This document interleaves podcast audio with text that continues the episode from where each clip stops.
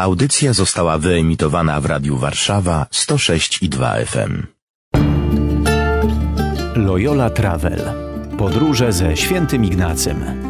Zapraszają jezuici, ojciec Wojciech Mikulski i ojciec Grzegorz Lojtek oraz Weronika Ostrowska. Tydzień pierwszy. Nawrócenie.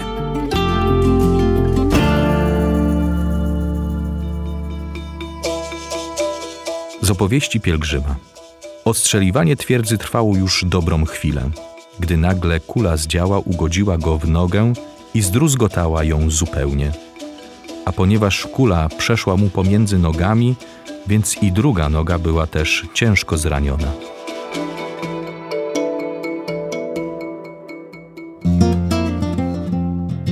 Zostajemy dzisiaj ze świętym Ignacym w Pampelunie. Wchodzimy do twierdzy oblężonej przez Francuzów i bronimy się dzielnie.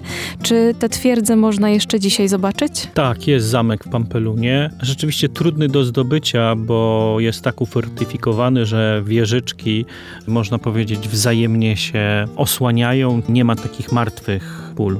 Pampeluna została zdobyta, Ignacy można powiedzieć po ludzku został pokonany, bo zdruzgotana jedna noga, zdruzgotana druga noga. Wydawałoby się, że koniec, a tak naprawdę to dopiero początek. Tak naprawdę to od tego zaczyna się autobiografia i cała przygoda i historia Ignacego. Ja myślę sobie o tym momencie. To jest ta chwila, kiedy wszystkie jego plany przez te nogi wydaje się, że mogą być zachwiane, bo on, on pewnie w tym momencie, jak jest ugodzony, to nie do końca zdaje sobie sprawę z tego, co go czeka za chwilę.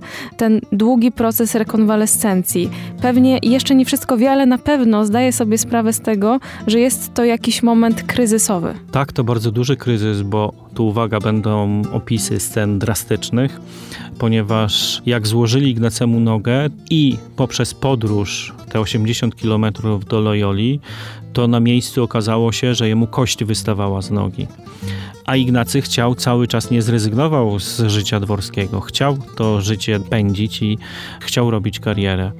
Na tyle był zdeterminowany, że zgodził się, żeby mu po raz drugi łamać nogę, żeby ją dobrze złożyć, wystające kości odpiłować.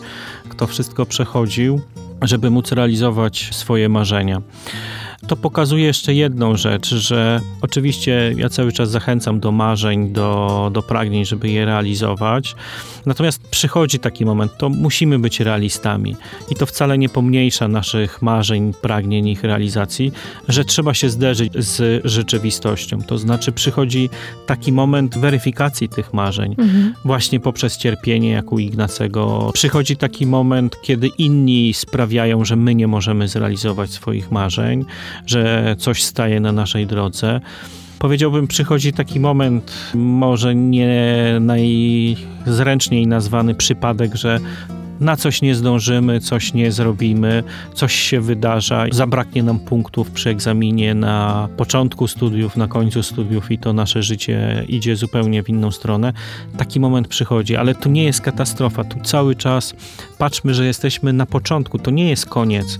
To trochę tak jak e, można powiedzieć, jak u Hitchcocka, tu się dopiero zaczyna historia, a nie kończy ta złamana noga, to, że kariery dworskiej raczej nie będzie, to jest początek całej historii, a nie koniec. I podobnie jest u nas. Mhm. Te różne katastrofy, których doświadczamy, te różne kule, które łamią nam nasze nogi, różne nogi, nasze kręgosłupy, nasze ręce, to jest dopiero początek historii. To nie jest koniec świata, to jest początek drogi, nowej drogi, do której jesteśmy zapraszani. I jeszcze jeden ważny element, do którego oczywiście bardzo gorąco zachęcam, aby o tych naszych katastrofach rozmawiać z Panem Bogiem, aby pytać Go, co dalej, jak dalej. U Ignacego chyba nie było tak, że on od samego początku te rozmowy z Panem Bogiem zaczął, bo on wcale nie zrezygnował z tej kariery dworskiej. Nie. Nogi były złamane, ale on kazał sobie jeszcze raz tę nogę połamać tylko po to, żeby odzyskać dawną sprawność, tak. Tylko po to, żeby później realizować to swoje marzenie o zostaniu rycerzem. No i u nas też tak może być, że może czasami jak przychodzi ten moment kryzysu, takiego wyhamowania, na początku ciągle myślimy sobie, okej, dobrze, to szukamy dróg, jak dalej wrócić do tego starego życia, ale może się okazać tak, jak i w przypadku Ignacego, że to jest niemożliwe. I to, co ojciec powiedział, chyba jest ważne, żeby od początku z Panem Bogiem o tym rozmawiać. Tak, rozmawiać z Panem Bogiem i iść dalej. Ignacy chciał wrócić do rzeczywistości sprzed Pampeluny. Miał swoje wyobrażenie, ale został zaproszony do czegoś nowego i to oczywiście potrzeba czasu trochę na to. I my też dawajmy sobie czas w tych naszych katastrofach różnych, ale idźmy do przodu. Nie próbujmy cofnąć naszego życia, bo pięć lat temu było jakoś fajnie, bo na studiach było fajnie, a w pracy już jest niefajnie, bo w szkole średniej było rewelacyjnie, a teraz już nie. My jako chrześcijanie jesteśmy zapraszani, aby iść do przodu. My z historii możemy się uczyć naszego życia, możemy się uczyć wyciągać wnioski, ale jesteśmy zapraszani, żeby iść do przodu. Czy w takim razie takie trudne sytuacje, te wyhamowania, czy ta kula w nogach Ignacego, która mu jest druzgotała, czy to jest palec Boży? Trudne pytanie, bo mam świadomość, że trudno każdą trudną sytuację powiedzieć, że to palec Boży. Dzisiaj z perspektywy tych iluś tam lat i całej drogi, którą przeszedł Ignacy, widzimy i myślę, że śmiało możemy powiedzieć, że tak, to był palec Boży. Czy Ignacy tak to przeżywał? Pewno nie, pewno się buntował, mu się to nie podobało. Potrzebował wiele czasu, żeby zobaczyć, że to jest jakiś palec Boży, że go Pan Bóg, że go Pan Bóg prowadzi. Myślę, że to dobry temat do rozmawiania z Panem Bogiem. Czy on to na pewno jakoś dopuścił, ale czy on ma w tym jakiś głębszy plan, o co mu chodzi, to jest na pewno sprawa, o której warto z nim rozmawiać. I do tego wspólnie ze świętym Ignacym zachęcamy.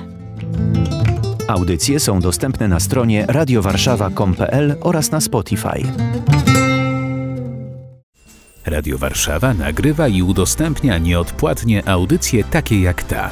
Dzięki wsparciu finansowemu słuchaczy i przyjaciół. Wejdź na www.radiowarszawa.com.pl i wpłać darowiznę. Wzmocnij nasze dobre fale. Dziękujemy.